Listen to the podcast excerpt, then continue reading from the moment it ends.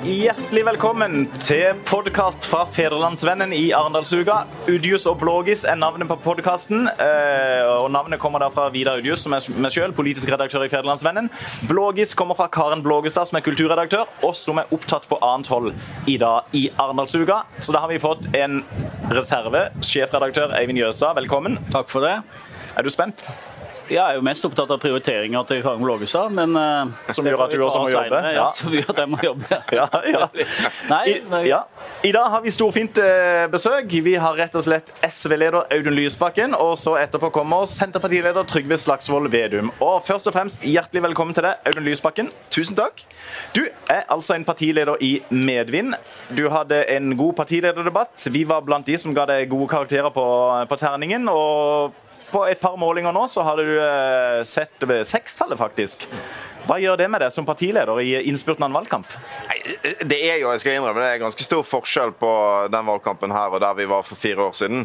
Da førte vi en valgkamp med, med ryggen mot veggen. Det utløser for så vidt en sånn fandenivoldskhet, det òg, da. Det liksom, var mye adrenalin i den valgkampen, men det er, det er selvfølgelig mye gøyere for en valgkamp der du liksom føler at det går oppover. Nå er det er jo stor uro i velgermassen, og ingenting som er sikkert ennå. Men, men, tendensen for SV sin del ser jo rett og slett veldig bra ut. altså. Vi, vi har en sjanse nå til å bli den positive overraskelsen i, i det valget her. og det, eh, det gir jo masse inspirasjon til meg og alle SV-erne rundt om i landet.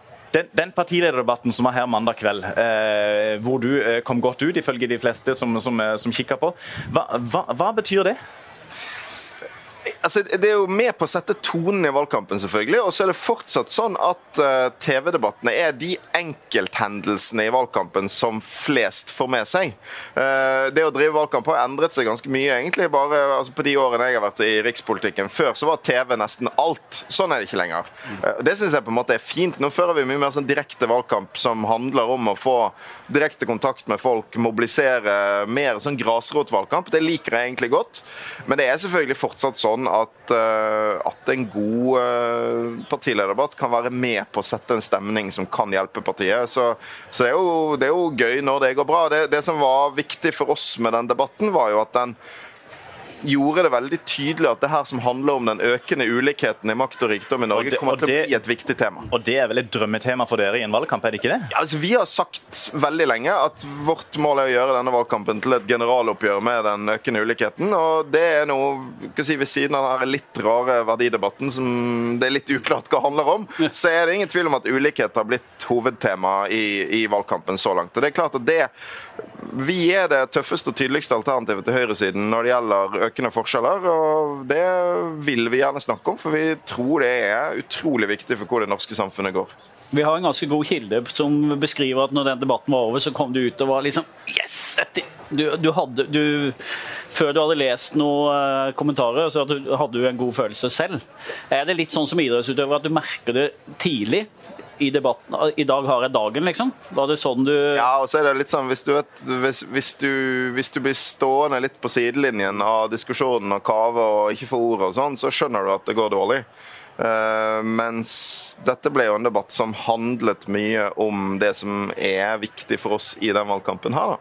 Uh, og det gjør jo at, uh, at vi fikk Jeg fikk plass fordi i mange av disse diskusjonene om ulikhet, så er jo forskjellene mellom Høyre og Arbeiderpartiet kanskje litt mindre enn eh, en det en skulle tro, og det de prøver å gjøre til sjøl. Da, da er det SV som lett blir den liksom, tydeligste motpolen til, til høyresiden. Det så du tydelig f.eks. i den debatten om, eh, om profitt i velferden, der Arbeiderpartiet jo ikke har et klart standpunkt. og da, da blir det høyresiden mot SV. Men, og Da er vi rett og slett inne på, på selveste Arbeiderpartiet. De, de sliter jo eh, på målinger når en ser de, de under ett. og Jonas Gahr Støre erkjente det også i i, i Dagsrevyen i går. Hva, hva, hva tror du er grunnen til det? Altså, jeg, jeg, tror det er mange ting som skjer på en gang nå. At, at kanskje, hovedbildet er at uh, det, jeg tror det er veldig mange som ikke har bestemt seg denne gangen. rett og slett. At det blir et sånn mobiliseringsvalg nå de siste ukene der det fortsatt kan skje veldig mye. Uh, men det, det, det, vi ser som er litt spesielt nå, er på målingen at både SV, De Grønne og Rødt vokser på en gang. Og Kan det skyldes at Arbeiderpartiet har gått for mye inn mot sentrum? Jeg, vet, vet, skal man passe seg for sånn anekdotiske bevis, da, men jeg, men jeg, møter mange som sier at de har tenkt å stemme på oss i år, av de som ligger mellom oss og Arbeiderpartiet. Og Det er jo veldig mange mennesker. Altså det, SV er jo et parti som også selv når vi er små, har veldig mange flere sympatisører enn de andre små partiene. rett og slett for Det, det er en veldig stor andel av Arbeiderpartiet sin velgermasse som har oss som nummer to. Og i år så er det nok ganske mange av de som har tenkt å stemme SV rett og slett fordi de ikke ønsker at Arbeiderpartiet skal bevege seg inn mot sentrum. Denne sentrumsflørten har nok mobilisert for oss på venstresiden. Så, så jeg tror at uh, de, de, to hovedgrunnene til at vi gjør det bra nå, er at vi er tydeligere og tøffere enn Ap i forskjellsdebatten. Og så tror jeg at vi treffer mange når vi sier at en stemme til SV år jo er si, like effektivt for å bli kvitt den blå regjeringen, men da kan du samtidig sørge for at Støre må forhandle med oss, og ikke stå fritt til å bare forholde seg til eh, sentrumspartiene. Så det er egentlig good news for dere når Arbeiderpartiet går inn mot sentrum? Eller er det litt sånn i all verden, hvor går Arbeiderpartiet? Mister, mister vi Arbeiderpartiet, eller er det yes, nå blir det stort rom for oss? Altså, jeg tenker liksom at uh, Politikk til syvende og sist er jo mest et spørsmål om om uh, makt, og uh, den makten du får gjennom at folk stemmer på deg. Så jeg har vært litt sånn opptatt av Jeg har aldri bedt Arbeiderpartiet om noen ting. Vi, vi, vi, er liksom ikke lei oss for at Arbeiderpartiet flørter med sentrum eller ber de la være. Vi tenker at ok, da må vi bare bli så store at de ikke har noe annet valg enn å forholde seg til oss. Så, så det er liksom ikke noe sånn hard feelings der, men, er, men, men jeg tror faktisk det kan mobilisere ganske mye for oss. og Paradokset er vel at den flørten med sentrum nå mobiliserer for SV. Mm. Og da, Eivind, Vi snakka om det litt før debatten her, vi har forberedt oss grundig, som du merker. så eh, Da, da, da eh, resonnerte vi også, og, og, et spørsmål som kommer i forlengelsen av det, er jo da deres forhold til sentrum, til KrF. For Hvis det skal bli en, eh, i alle fall en flertallsregjering, så det jo, tyder jo alt på at Arbeiderpartiet må i kompaniskap med både SV og kanskje to sentrumspartier. Mm. Senterpartiet og kanskje KrF. Eh, kan du tenke deg å regjere med KrF? Er det en mulighet? Altså, nå, er, nå er vårt mål å sørge for at Arbeiderpartiet ikke har flertall uten oss, for det første. Og så tror jeg realiteten er da altså, si, Vårt vedtak fra landsmøtet er at vi, vi, er villige til å snakke med alle partier som deler ønsket om en ny regjering. Men nå er jo realiteten at både Venstre og KrF er veldig tydelige på at uh, Stemmer du på de, så får du en borgerlig regjering. Så, jeg, så jeg, tror, jeg, tror, dette egentlig er ganske enkelt. Nå blir det borgerlig flertall, så fortsetter regjeringen. Det er bare rød-grønt flertall som kommer til å gi en ny regjering. Så du, du tror ikke KrF bytter side, og, og, at dere kan regjere med de? Nei, altså jeg tror at Blir det borgerlig flertall, så, så har KrF nå bundet seg så tydelig til Erna at da, da fortsetter regjeringen. Jeg, jeg, tror det er realiteten. Og så, så vil vårt mål være å sørge for at det blir en ny regjering så er vi så sterke at, eh, at Arbeiderpartiet er nødt til å forholde seg til oss. Men i, i, forhold til politiske forskjeller, eh, kan dere administrere f.eks. kontantstøtte? Jonas Gahr Støre har jo åpna for å, å, å, videreføre den ordninga. 7500 i måneden og rett i, rett i lomma til, til folk altså, som er hjemme? Vi, vi misliker jo de endringene som er gjort. Det vi ønsker å gjøre med kontantstøtten, er å gjøre den om til en ventestøtte. Jeg syns det er fair at uh, en skal kunne få en form for støtte når en ikke får barnehageplass. Men jeg er imot å ha en ordning som pra i praksis er si, betaling for å la være å bruke barnehageplass. Det, det, er, det er litt rart. Altså, vi har velferdsordninger, men vi pleier ikke å betale folk for å la være å bruke dem. Men, men, det er ikke et av de fem absolutte kravene dere Nei, det er det ikke. Og, det, og det, si, denne utfordringen hadde vi i den rød-grønne regjeringen. For Senterpartiet er jo også for kontantstøtten. Det vi gjorde da, som jeg syns var et godt kompromiss, var jo at vi, eh, vi fjernet den for ett årskull. ikke sant? Vi, sånn at det bare var toåringen igjen. Så økte vi litt der. Eh, det var var en, syns vi, en veldig klar forbedring. Uh, og så um, Det var jo det var mange runder da mellom eh, Senterpartiet og oss, og, men, uh, men, da fikk vi til en, en avtale som som jeg tror begge partiene følte gikk i riktig retning. Da. Så det var, det var et godt kompromiss. Noe annet vi snakka litt om, som er interessant, og som du også så litt i den debatten, er det, eh, klimasaken og SVs eh, hvert fall i eh, forrige gang det var veldig høyt oppe, så var klimasaken veldig viktig. Mm. Og den rød-grønne SV. Mm. Er det nå under deg i ferd med å miste det grønne og bare bli et rødt SV? Nei. Eh, for oss er det veldig viktig at vi er både et rødt og et grønt parti. Jeg tror Det som var spesielt med den partilederdebatten, var jo rett og slett at og det er det jo NRK som bestemmer. Det var si, økonomi og fordeling som var temaet. Jeg håper veldig sterkt at vi også får en stor debatt der miljø er tema. Det er det er ganske utrolig, syns jeg, at, at vi liksom diskuterer brunost ganske mye på partilederdebatten, men vi diskuterer ikke klimaendringene, som er liksom ja, Men det er ikke noe med å bidra til det selv òg, da? Altså er det Nei, fordi vi har lagt tung vekt på miljøet i vår valgkamp. Husk at vi stiller nå altså til valg med uh, Kari Elisabeth Kaski, uh, som tidligere var talskvinne for Zero i Oslo. Lars Haltbrekken, en av landets mest kjente miljøaktivister i Sør-Trøndelag. Arne Nævra, som er kjent fra Ute i naturen i Buskerud. Så et, et ekstremt sterkt miljølag. Mens i, i Oslo i nominasjonsmøtet der, når du kom litt ned på lista, så var det stort sett de eh, fra, de fra fagbevegelsen ble på en måte radert ut. Så du har liksom den kampen mellom de røde, de røde og de grønne. Har du ikke det i SV? Så du vil alltid ha, når det er nominasjon og sånn, så vil du og Sånn må det være i et demokratisk parti, så er det tautrekking om plasser. Men du kan si det som kjennetegner SV, og sånn, jeg mener det er det som gjør SV til et unikt parti og si, prosjekt i norsk politikk, det er nettopp at vi er møtestedet for det røde og det grønne. Og Ofte er det jo sånn at rødt og grønt er motstandere. ikke sant? Se hvordan uh, Arbeiderpartiet og Miljøpartiet holder på. Uh, eller miljøkampen i fagbevegelsen. Det vi har tatt mål av oss til, er å være det stedet der arbeiderbevegelsen og miljøbevegelsen møtes og jobber sammen. Uh, og men, men... Vi Nei, ja. ja. det er litt sånn, Skal vi avbryte eller ikke? Det er litt, litt uhøflig, men samtidig du prater så, så mye òg. Eh, men vi, vi, tenkte vel litt egentlig å spørre deg litt om dette, dette motsetningsforholdet som du nevner der mellom rødt og grønt. Altså arbeidsplasser og miljø. Mm. Det er jo en reell motsetning, ikke minst i vår landsdel og videre oppover kysten vestover. Hvor, øh, hvor radikale er dere på avviklinga av oljenæringa?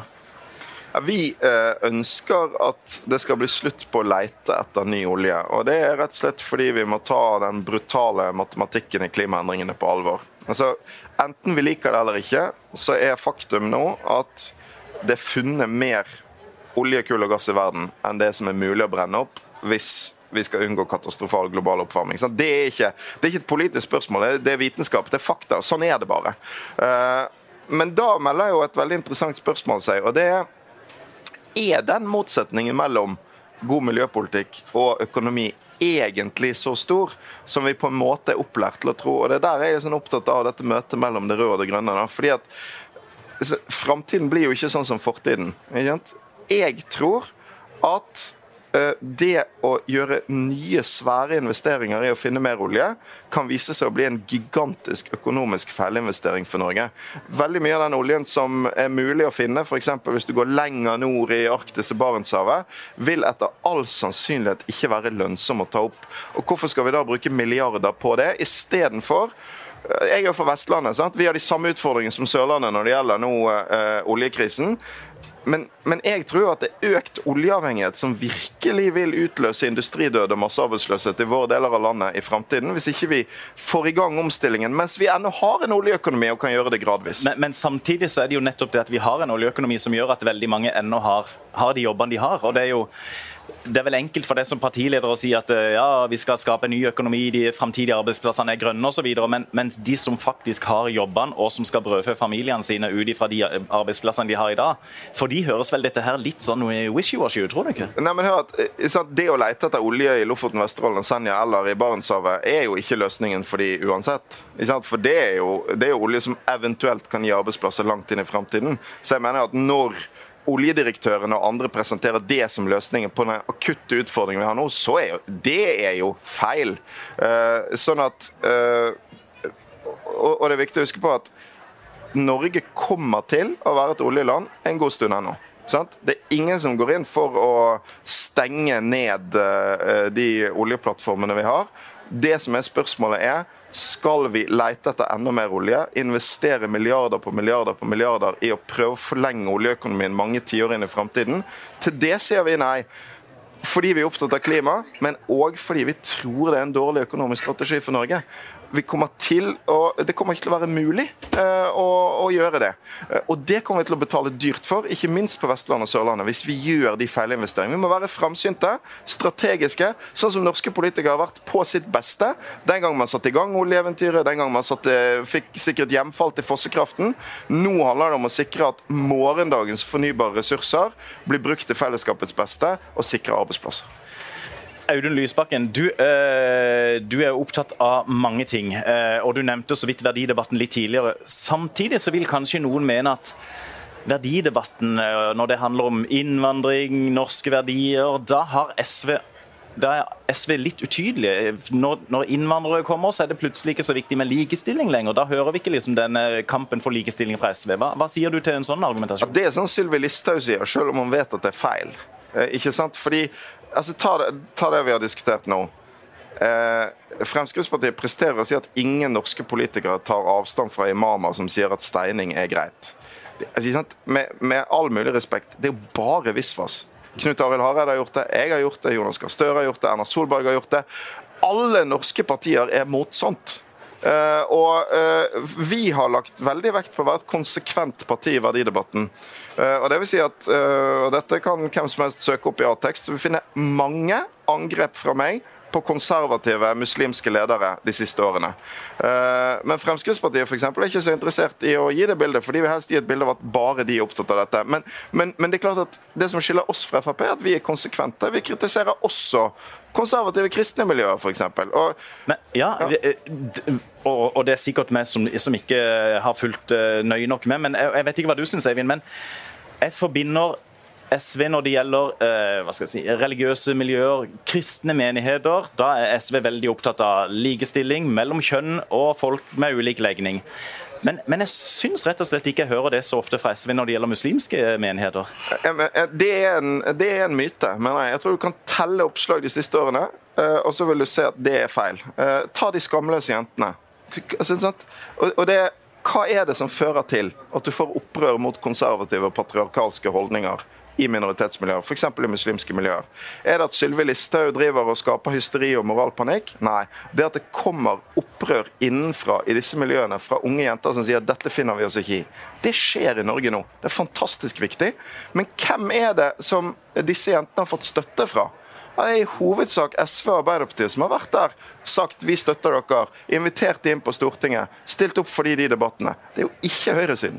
Un, under den verdiseansen i, i partilederdebatten så sa Erna Solberg noe om at uh, du skal være bevisst på at det er et press på de som tror.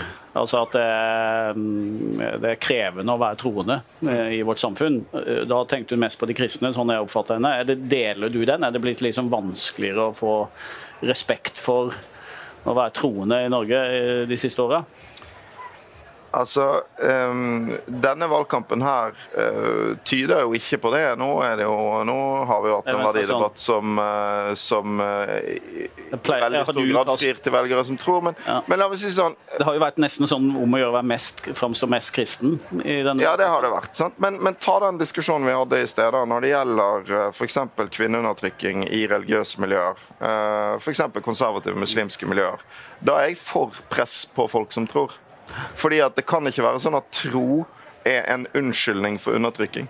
Eh, så vi eh, har jo vært det partiet for eksempel, som har tatt initiativ til, bl.a. etter mange saker med sosial kontroll i eh, en del minoritetsmiljøer, at det kan ikke være en selvfølge at ethvert trossamfunn i Norge skal få statlig støtte. Hvis, hvis, du har religiøse ledere som oppfordrer til sosial kontroll, undertrykking av kvinner, så kan det ikke være en selvfølge at du skal få penger av staten til det.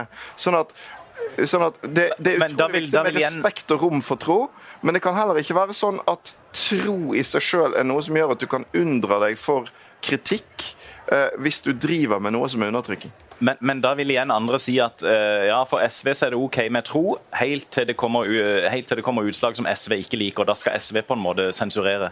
Men dette er jo en del av verdidebatten. ikke sant? Altså, Er det sånn at religion i seg sjøl uh, er det sånn at undertrykking skal være annerledes hvis den er religiøst begrunnet? Altså, vi må være konsekvente. Hvis vi ikke aksepterer kvinneundertrykking f.eks., kan vi heller ikke akseptere det hvis det er uh, religiøst uh, betinget. Altså, det handler ikke om at det ikke skal være lov av konservative oppfatninger om arbeidsdeling mellom kvinner og menn, det er veldig uenig i. Men det vi snakker om nå, det er ekstrem sosial kontroll, f.eks. Altså det de skamløse jentene gjør opprør mot, f.eks. Uh, og, og da mener jeg vi må være knallharde. Og så er det viktig, både fordi vi må stå opp for alle de menneskene det gjelder, men også for troverdigheten det vi holder på med, at vi da er konsekvente. Der mener jeg at Sylvi Listhaug har et stort troverdighetsproblem. fordi hun, hun er veldig opptatt av uh, undertrykking hvis det skjer i et muslimsk miljø. Eh, men hun kritiserer aldri praksiser i eh, dypt konservative kristne miljøer. Jeg setter min stolthet i at SV skal være et parti som gjør begge deler, helt uavhengig av tro. Skal ha stor respekt for tro. Vi har veldig mange troende medlemmer. Vi har en sterk tradisjon for kristensosialisme i SV. Ikke minst på Sørlandet. Ikke minst på Sørlandet. Eh, og eh, eh, den respekten for tro må vi også kombinere med en politikk som står opp for uh, rettighetene til og de mest grunnleggende verdiene i det norske samfunnet i, alle miljøer. Og Det tror jeg godt lar seg forene med uh, både kristen tro og, og sosialisme. Så den, den, tradisjonen er jeg stolt av. Mm. Audun Lysbakken, du er en travel mann i, i disse dagene. 26 dager til, til valget, så hjertelig takk for at du hadde tid til å komme til oss. Men vi vil gjerne ja, OK. Jeg, jeg, følte det var så god avslutning. Jeg, jeg bare føler jeg må få ett spørsmål på vei ut. At, uh, vi, vi, har et veddemål, i likhet med mange andre, om han som kommer etter deg, om hvor stor Senterpartiet blir i dette valget. Så hvis du, nå skal du få si hva du tror de ender på på landsbasis. Vi må også spørre hva, du, hva, hva er målet for SV i prosent? Det, det er han ikke så opptatt av, tror jeg. Nei, okay, nei. Så vårt mål er betydelig framgang. Og så har jeg liksom jeg gjør Er du trygg på at du kommer over sperregrensa? Uh, Altså, Du skal aldri være trygg på noen ting, men alt tyder nå på at vi har sjansen til å gjøre et godt valg. vi. Så vårt mål nå er å bli den positive overraskelsen etter valget. Gå betydelig fram. Uh, og Så får vi se hvor langt det kan, uh, kan bære. Målingene tyder jo nå på at vi har kommet veldig godt i gang med valgkampen. Uh, det har Senterpartiet også.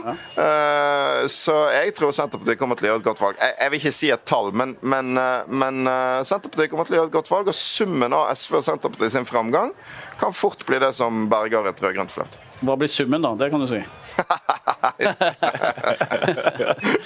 Hva snedig. Ja, ja, rett og slett. Nei, men Audun Lysbakken, det, for da, da, er du fornøyd, Eivind? Ja, ja. fornøyd. Tusen takk for at du kom, og lykke til videre i valgkampen. Takk for at jeg fikk komme. Takk.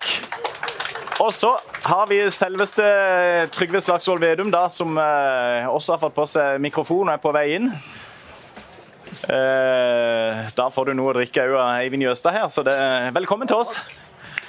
Ja, det var, det var en snedig overgang, syns du ikke det? Sånn eh, temamessig på at du var på vei inn da, og vi eh, lurte på Senterpartiets oppslutning. For et av momentene bak dette her er at Eivind og meg vi har et veddemål. Ja. Eivind har vedda ei Var det ei kasse vin? Nei, nei. Hva vil si flaske vin? På at, brus. Ei kasse brus. Ja. Og at Senterpartiet får over 15 på nasjonal Tired of ads barging into your favorite news podcasts?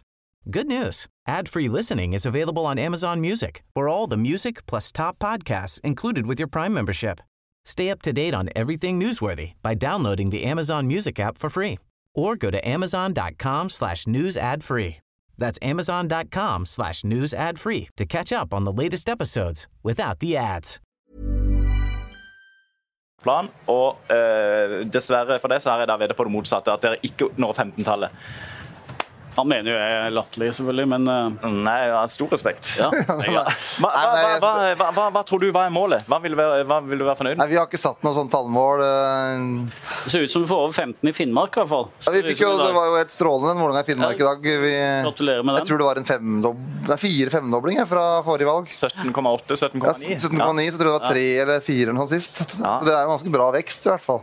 Nei, men vi har ikke, Valget har ikke vært der nå. Men selvfølgelig er det motiverende å ha hatt veldig mange hyggelige mål målinger. og Kjempemotiverende den målinga vi hadde i Østdag, eller har i Øst-Agder i dag, eh, på 13 eh, som jeg så akkurat i stad. Ja, den har ikke vi sett. Eh, og så var det Alt som vi har det. Ja, ja det var nikkepent! ja, det er veldig interessant, den målingen der. Altså. Kan du forklare litt mer om det andre? da? den målingen? Det var ditt synspunkt der? Men, det var 13% i Aust-Agder? Ja, det er bra. Det er, en, det er bra måling for oss. I, på fast mandat? Ja, det er det. Så, at, eh, så var KrF på 11 og eh, Fremskrittspartiet var på 14-15, tror jeg. Nå tar litt husk, ja, altså. Det er dere tre som kjemper om Ja, I praksis er det vel det som kjemper om det. da. Mm. Også den målinga vi hadde i Vest-Agder også før i uka på 11 eh, Men du, Ole Magne, Så det er jo veldig mange gode målinger lokalt. Men vi, altså, valgkamp der skal du ikke ta noen ting for gitt. Vår strategi er å reise rundt i landet, drikke kaffe og ha møte med folk, og så må folk ta stilling den 11. september. Akkurat det høres litt koselig ut som politiker politiker hvis strategien er å reise rundt i landet og ha kaffe med folk? Ja, men det det er strategien nå. Hovedbudskapet da er at alt var bedre før? Og, Nei, hovedbudskapet og se bakover? Nei, men Det er det som er eh, noe av fordelen vår, da, at mange sier sånne ting. Ja. Eh, for at vi har tro på, på nærhet av tjenester nær folk. Og nærhet er like viktig i 2017 som det var i 1990, og som det kommer til å være i 2030. Så vi mener at nærhet alle vil gå av moten. og jeg synes man F.eks. i diskusjonen om kommunesammenslåing, som har vært mye eh, i FVN og Fevennen TV, som jeg satt og fulgte med stor interesse her i, eh, for en stund siden. Ja, ja. Eh, Det er jo, for oss handler jo den diskusjonen om ikke om det er Arendal eller Kristiansand som skal bli den største byen, en slags innbyrdes konkurranse, som det noen ganger kunne få inntrykk av at det var hos noen. Det er Men, ikke et uvesentlig poeng, nei. men at det handler om de tjenestene. Sykehjemmet, skole, å ha de i nærmiljøet. Og der mener vi at når du er i livets startfase og livets sluttfase, så er nærhet et stort kode som gjør at tjenestene blir bedre. Og det er det vi går til valg på. Og så der er det et skillelinje av hva man tror er klokt. Men, men øh, du, vil, du vil jo være uenig i innholdet i påstanden, men ser du at andre kan få inntrykk av at Senterpartiet vil bevare alt som det er? Det var imot, det var imot politireformen, det var imot kommunereformen, det var imot regionreformen, øh, sykehusreformen, øh, omlegging av Forsvaret er dere kritiske til. Det, Ja, liksom, men altså, det, det som er men det er jo, øh, Nå har jo regjeringa valgt å kalle alt reform. altså Du legger på et ord, altså kaller du det reform, og det høres det finere ut. Men det har vært én fellesnevner for alle reformene, øh, og det er at man har tro på stordrift og sentralisering. og at det er svaret.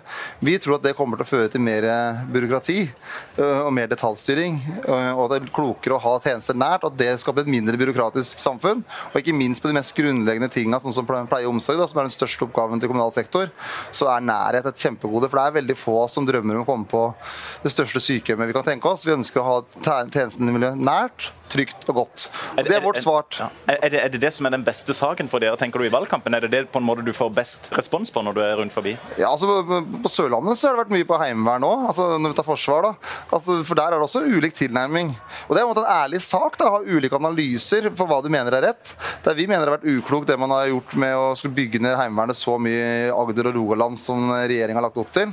For vi mener at det er viktig å ha den beredskapen både sivilt, hvis det er en sivil krise à la skogbrann som det var fylket her for noen år siden, eller om det er en militærkrise. Så vi syns det er eh, dumt å redusere den forsikringspremien som et eh, godt og sterkt heimevern også på Sørlandet og i Rogaland, da, som er den felles eh, HV-distriktet. Men fellesnevnet er at det kan høres ut som da at eh, ting skal bestå som de er. Nei, men, det- vi, må, men, det, men det er noe altså, første så har vi klart å utvikle et av verdens desidert beste land. Et veldig velfungerende land. Der vi har tillit mellom hverandre. Og klarer å bevare og videreutvikle det landet der vi ser hele Norge. Det er jo et kjempeprosjekt. Eh, For Vi er kanskje det landet i verden som har lykkes best med å utvikle et land med små forskjeller. Og det under en blå-blå regjering. Ja, men Det er jo over langsiktig lang tid. Altså Politikk er veldig langsiktig. og Det er jo noe av problemet i diskusjonen. Hva er resultatene i morgen? Men det er jo de langsiktige valgene som er så viktige. F.eks. denne perioden så vi har hatt en stor debatt om eh, konsesjonslov. Det høres jo forferdelig teknisk og kjedelig ut, men det handler jo om hvem som skal eie Norge. Eh, og vi mener at de valgene da som ble gjort da, f.eks. av Johan Castberg, som da gikk noe parti, på starten av 1900-tallet, at man lagde et regelverk som gjør at vi sikrer eierskapet til norske naturressurser, har vært en gave for alle generasjoner etterpå. Og det ønsker jo regjeringa å fjerne alt. At det bare var markedet som skal rå. Vi mener det er veldig naivt at f.eks. kinesere kan komme inn og kjøpe opp norske naturressurser, for det er det motsatte av vært vår tradisjon, der vi har brukt naturressursen til å bygge Norge og til å utjevne forskjeller. Men hvis vi går da tilbake til eh, ja, f.eks. For Forsvaret, da, eller du kan ta sykehus. altså er jo, Du er jo veldig tydelig på at du er for lokalt sykehus. Ikke sant? Og så, samtidig så vil jo alle bransjer, om det er Forsvaret eller om det er sykehussektoren, de, de preges jo av den utviklingen som ellers skjer, altså teknologisk. Eh, og, og, nye krav til ny kompetanse osv. Hvordan kombinerer du de tinga? Ja, men det er det som, så, Hvor, uh, egentlig så har vi aldri hatt større mulighet til å ha tjenester uh, nært folk enn nå. For at teknologien blir åpne muligheter. Og Derfor så har jeg et utspill i Feven i dag, som er en veldig bra avis, uh, og, og nettopp om bredbånd. Eh, at vi må legge til rette at alle får ta muligheten i det her digitale løftet som faktisk skjer. Som gjør at man f.eks. kan ha telemedisin, som gjør at man kan ha den tjenesten i nærmiljøet. Men selvfølgelig en kreftoperasjon, så kan det godt hende at selv Rikshospitalet blir for lite. At det noen ganger så må du dra til Karolinska institutt for at det er på akkurat den ene eh, diagnosen så er det noen få i hele Norden som kan det. Mm. Så det må man ha, ha, respekt for. Men det meste er ganske normalt. Også på et lokalsykehus. Det er hjerteinfarkt, det er beinbrudd, det er eh, ting som, eh, er liksom den, som er en del av den store sykdomsbildet hele tida. Det er en trafikkulykke, ting må stabiliseres. Så vi ønsker å ha de her grunnleggende tjenestene nært. Men selvfølgelig så kan man ikke eh, tro at man skal ha den beste kreftkirurgen på ethvert sykehus, og da må man spesialisere eh, og bygge opp eh, kanskje det fremste miljøet vi kan, f.eks. på Rikshospitalet i Oslo. Du, vi, nei. ja. så- ja. Eh, vi, vi spurte Audun Lysbakken litt om, om dette med, med oppslutning, og det er jo store velgergrupper i bevegelse. Eh, men et trekk som ser ut til å gå igjen, det, det er at Arbeiderpartiet sliter. Hva, hva tror du er grunnen til det?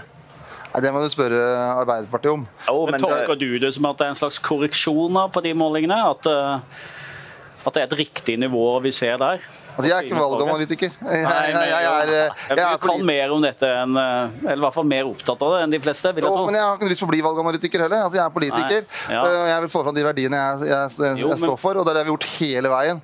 Og vært tydelig på at vi tror på hele Norge. Og har ikke den herre Hvis vi spør deg hva, tror du er grunnen til Senterpartiets framgang? Jo, det- så har du jo svar på det. Derfor, nå spør vi hva, hva, tror du er grunnen til Arbeiderpartiets fall på de siste målingene? Ja, nå får vi se hvordan ting stabiliserer seg eh, for de ulike partiene. For at Målingen går litt eh, opp og ned. Mm. Og så får Arbeiderpartiet gjøre sine vurderinger. Jeg vil ikke Kommentatoren og lederartikkelen i FVN får skrive sine lederartikler. og så skal ikke jeg be- begi meg inn på Men kan det være noe for eksempel at Senterpartiet vinner på en virkelighetsbeskrivelse? At liksom eh, at nå, nå, det, nå går det dårlig i Norge, og var- at alt var bedre før, mens Arbeiderpartiet taper på det.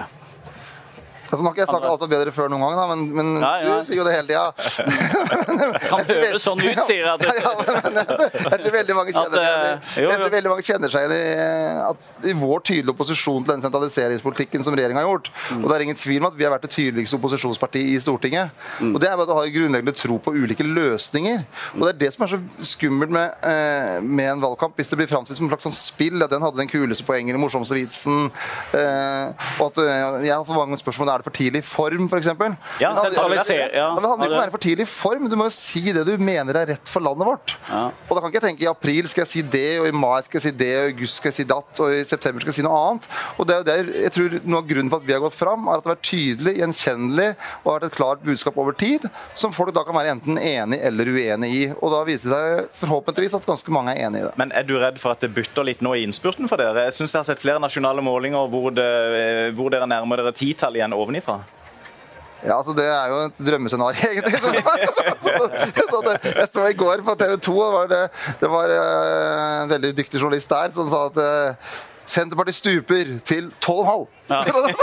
Det har du ikke hørt- før. Nei, det har ikke det. Så det var bare litt over 100 vekst fra forrige valg. Ja, ja, ja. det, litt over dobling. Nei, men altså, det er Derfor er det så viktig å hele tida være tydelig på hva som er debattene skal handle om, og hva vi mener er rett. Og det er Derfor det er det fantastiske folkestyret vårt. Da, hvis parti, alle partier egentlig får fram hva de mener er rett. Så i en ideell verden så er det sånn det er. Og så får folk da sjøl til slutt da, eh, ta stilling. da. Om noen mener at det er klokt at uh, Granita skal komme inn fra Aust-Agder, at Senterpartiet skal få en sterk røst fra Kristiansand på tinget. Men, men du, du i, i, den, eh, i den forbindelse, hvorfor er Sørlandet en så dårlig landsdel for Senterpartiet? Jeg syns den er ganske bra nå egentlig i dag. Da. 13 Jeg syns det var ganske bra, egentlig. Altså. Men, men, men tradisjonelt så er det Ja, jo uh, ja. Nei, altså, sannsynligvis så har det vært en del velgerutveksling også med Kristelig Folkeparti i, i området her. Eh, For at man har, eh, Det vil jeg tro. For KrF er jo mye sterkere i området her enn det har vært i andre deler av landet. Men jeg tror veldig mange av de som har opp, altså I denne perioden så har man jo opplevd at KrF har vært ganske enig med oss i mange av sakene, men har likevel støtta regjeringa. Når det er kommet til stykket, f.eks. i diskusjonen om sentralisering. Altså Hareide var jo senest ut, forrige uke og sa at uh, de sentraliseringsreformene har vært ødeleggende et eller annet sånt for landet. Skadelige, ja. Skadelige og veldig sterke ord han brukte. Og klart Der har vi vært tydelige hele veien, så jeg tror at vi uh, på Sørlandet også får en del av de som distriktsvelgerne der. Men jeg, Kan du definere litt tydeligere det med sentralisering? Men er det da liksom uh, distrikt mot Oslo, eller er det all form for eh, sentralisering du på en måte er mot? da? Altså, også kommu ja, det er også det, jeg Er det jo en sentralisering? Ja, Vi mener jo det. Det er jo sentralisering i ulike former. F.eks. For diskusjonen altså her i området med alle de ulike K-ene som verserte. Det er Ja, ja. så mange K-er at Ja, ja. man kunne bli forvirra. Men eh, hvis man ser litt på historien, så vet man at kommunesammenslåing vanligvis også følger til en sentralisering av sykehjem og skoler over tid. Men det kan man jo mene lokalt er rett. Ja. Og da skal ikke vi som sitter på Stortinget overprøve det. Det har vært vår grunntenkning når det gjelder f.eks. Kristiansand, Søgne, Sogndalen. At eh, det må man jo bestemme lokalt. Og hvis man lokalt mener det er Men rett, Bestemmer lokalt, mener du da de lokale politikerne eller de lo eller velgerne? ja, men så blir jo velgerne, politikerne blir jo valgt av velgerne. Ja, men så jeg, jeg mener at eh, velgere velger vi ikke politikerne for å ta beslutninger om, om også sånne ting? Jo, men så er det jo noen typer beslutninger som er mer eh, langsiktige enn andre. da. Altså F.eks. kommunesammenslåing er en beslutning som da er nesten irreversibel når den først er gjort. Og da bør man ha ekstra respekt for den eh, lokale folkeviljen i et folkestyre. Og i Norge har vi jo Ja, vi sitter jo i en by her da, for eksempel, som er en sammenslått eh, av fem kommuner. På tid var det? 90-tallet. Ja, det var første Ja, runden. med 93, 90. Ja, det var samme som Fredrikstad. Hvor det var stort sett 90% motstand i alle Ja. kommuner rundt. Eh, Ja, vi, var, vi, tenker du det ville være en god idé å la Tromøya bli en egen kommune igjen nei, det har ikke vi gått til valg på. nå? Nei, det har vi ikke gått til valg på. Men vi, etter den runden på starten av 90-tallet, det var jo da det såkalte frivillighetsvedtaket kom i Stortinget. For da ble det en, en stor runde. Og så var jo da stortingsflertallet, også med Høyre med, på at fra nå så bør kommunesammenslåinger skje på et frivillighetsvedtak. Men Senterpartiet fikk den første ordføreren i det nye, store Arendal. Ja, men vi må få den igjen.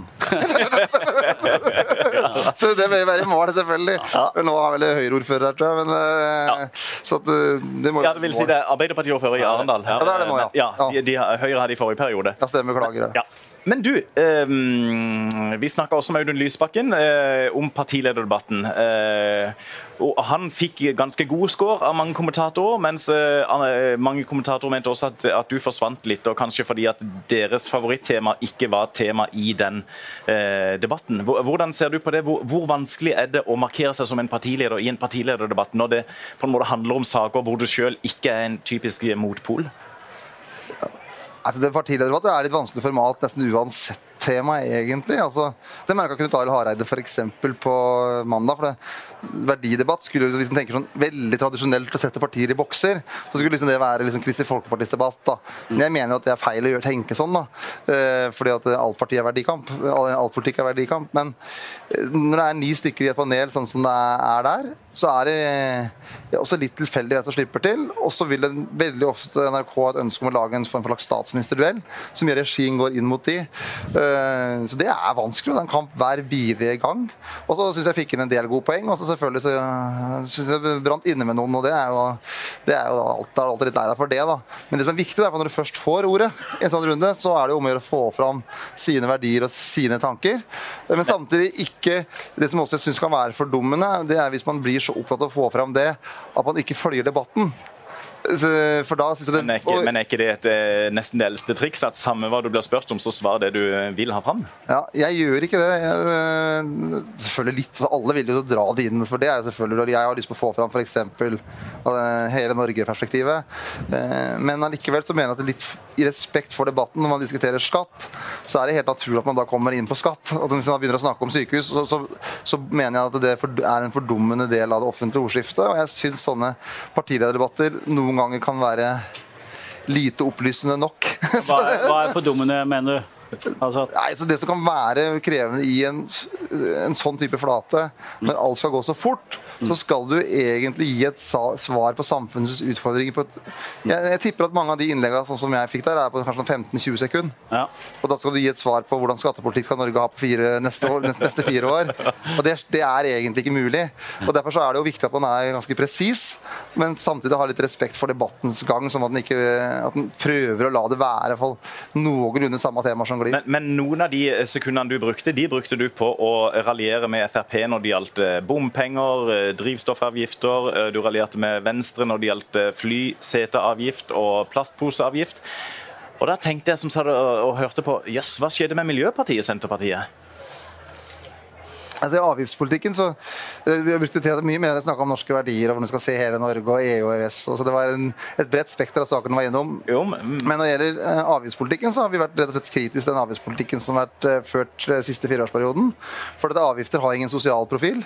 Eh, men, men i forhold til det miljømessige det, jo, men altså, Senterpartiet har poenget det, en grønn det. Jo, det er vi fortsatt, men jeg syns at man har mm, den, denne perioden Hvis man f.eks. har økt en avgift, så har man kalt det grønt skifte hver gang. Selv om man har sett at det har minimal eller kanskje ikke hatt effekt i det hele tatt. Og at man da legitimerer en del avgiftsøkning med å kalle det grønt. Eh, også f.eks. diesel, da, som har vært en kjempedebatt før, eh, før jul.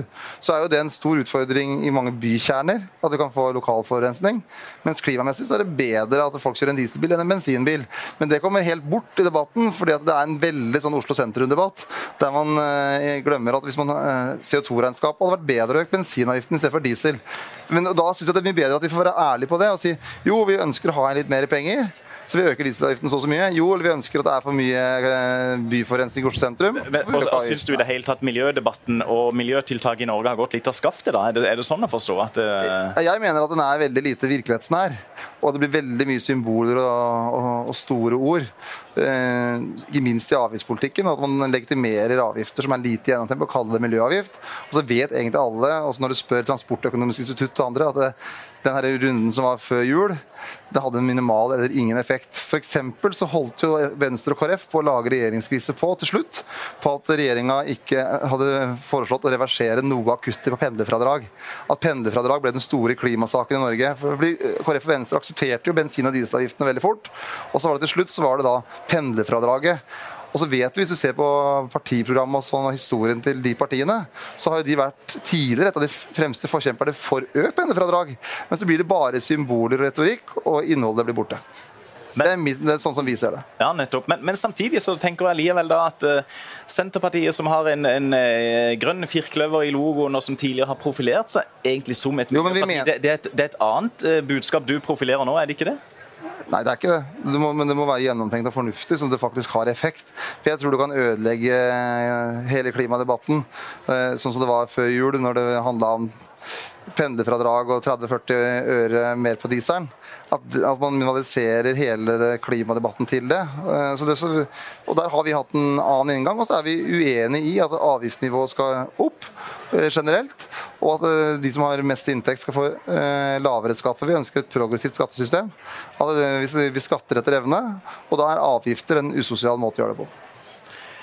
Vi nærmer oss øh, valgdagen. Eh, bare litt over tre uker igjen. Eh, store velgergrupper i bevegelse. Målinger viser forskjellige ting. Men på noen målinger så er, det, så er det rett og slett ni partier som er inne på Stortinget.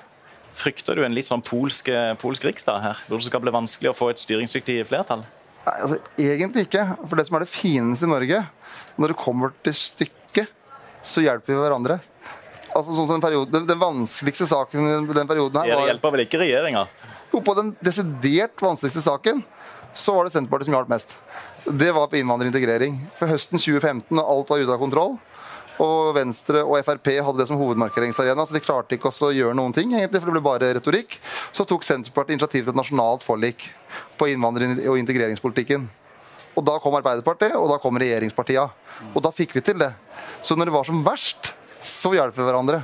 Og Det er noe av det fine i Norge. og for da På innvandrere og integrering så har da egentlig hele bredden av partier hjulpet hverandre. Og så har Hvordan går det nå, syns du? I retorikken syns jeg det går dårlig, men i, i praksis så, så ligger jo politikken, og det har skapt mye mer stabilitet. Vi har to minutter igjen av sendinga, har vi fått eh, klar beskjed om, så det skal vi, det skal vi respektere. Men, men eh, bare litt tilbake igjen til dette her med en mulig polsk riksdag. for det at Du sier vi hjelper hverandre, men samtidig så har, så har både du og Jonas Gahr Støre sagt at nei, vi kan ikke regjere sammen med Rødt og Miljøpartiet De Grønne. Så hadde vi Audun Lysbakken her nå eh, rett før det, som i praksis sa at han trodde ikke noe på en regjering med SV og KrF i samme konstellasjon.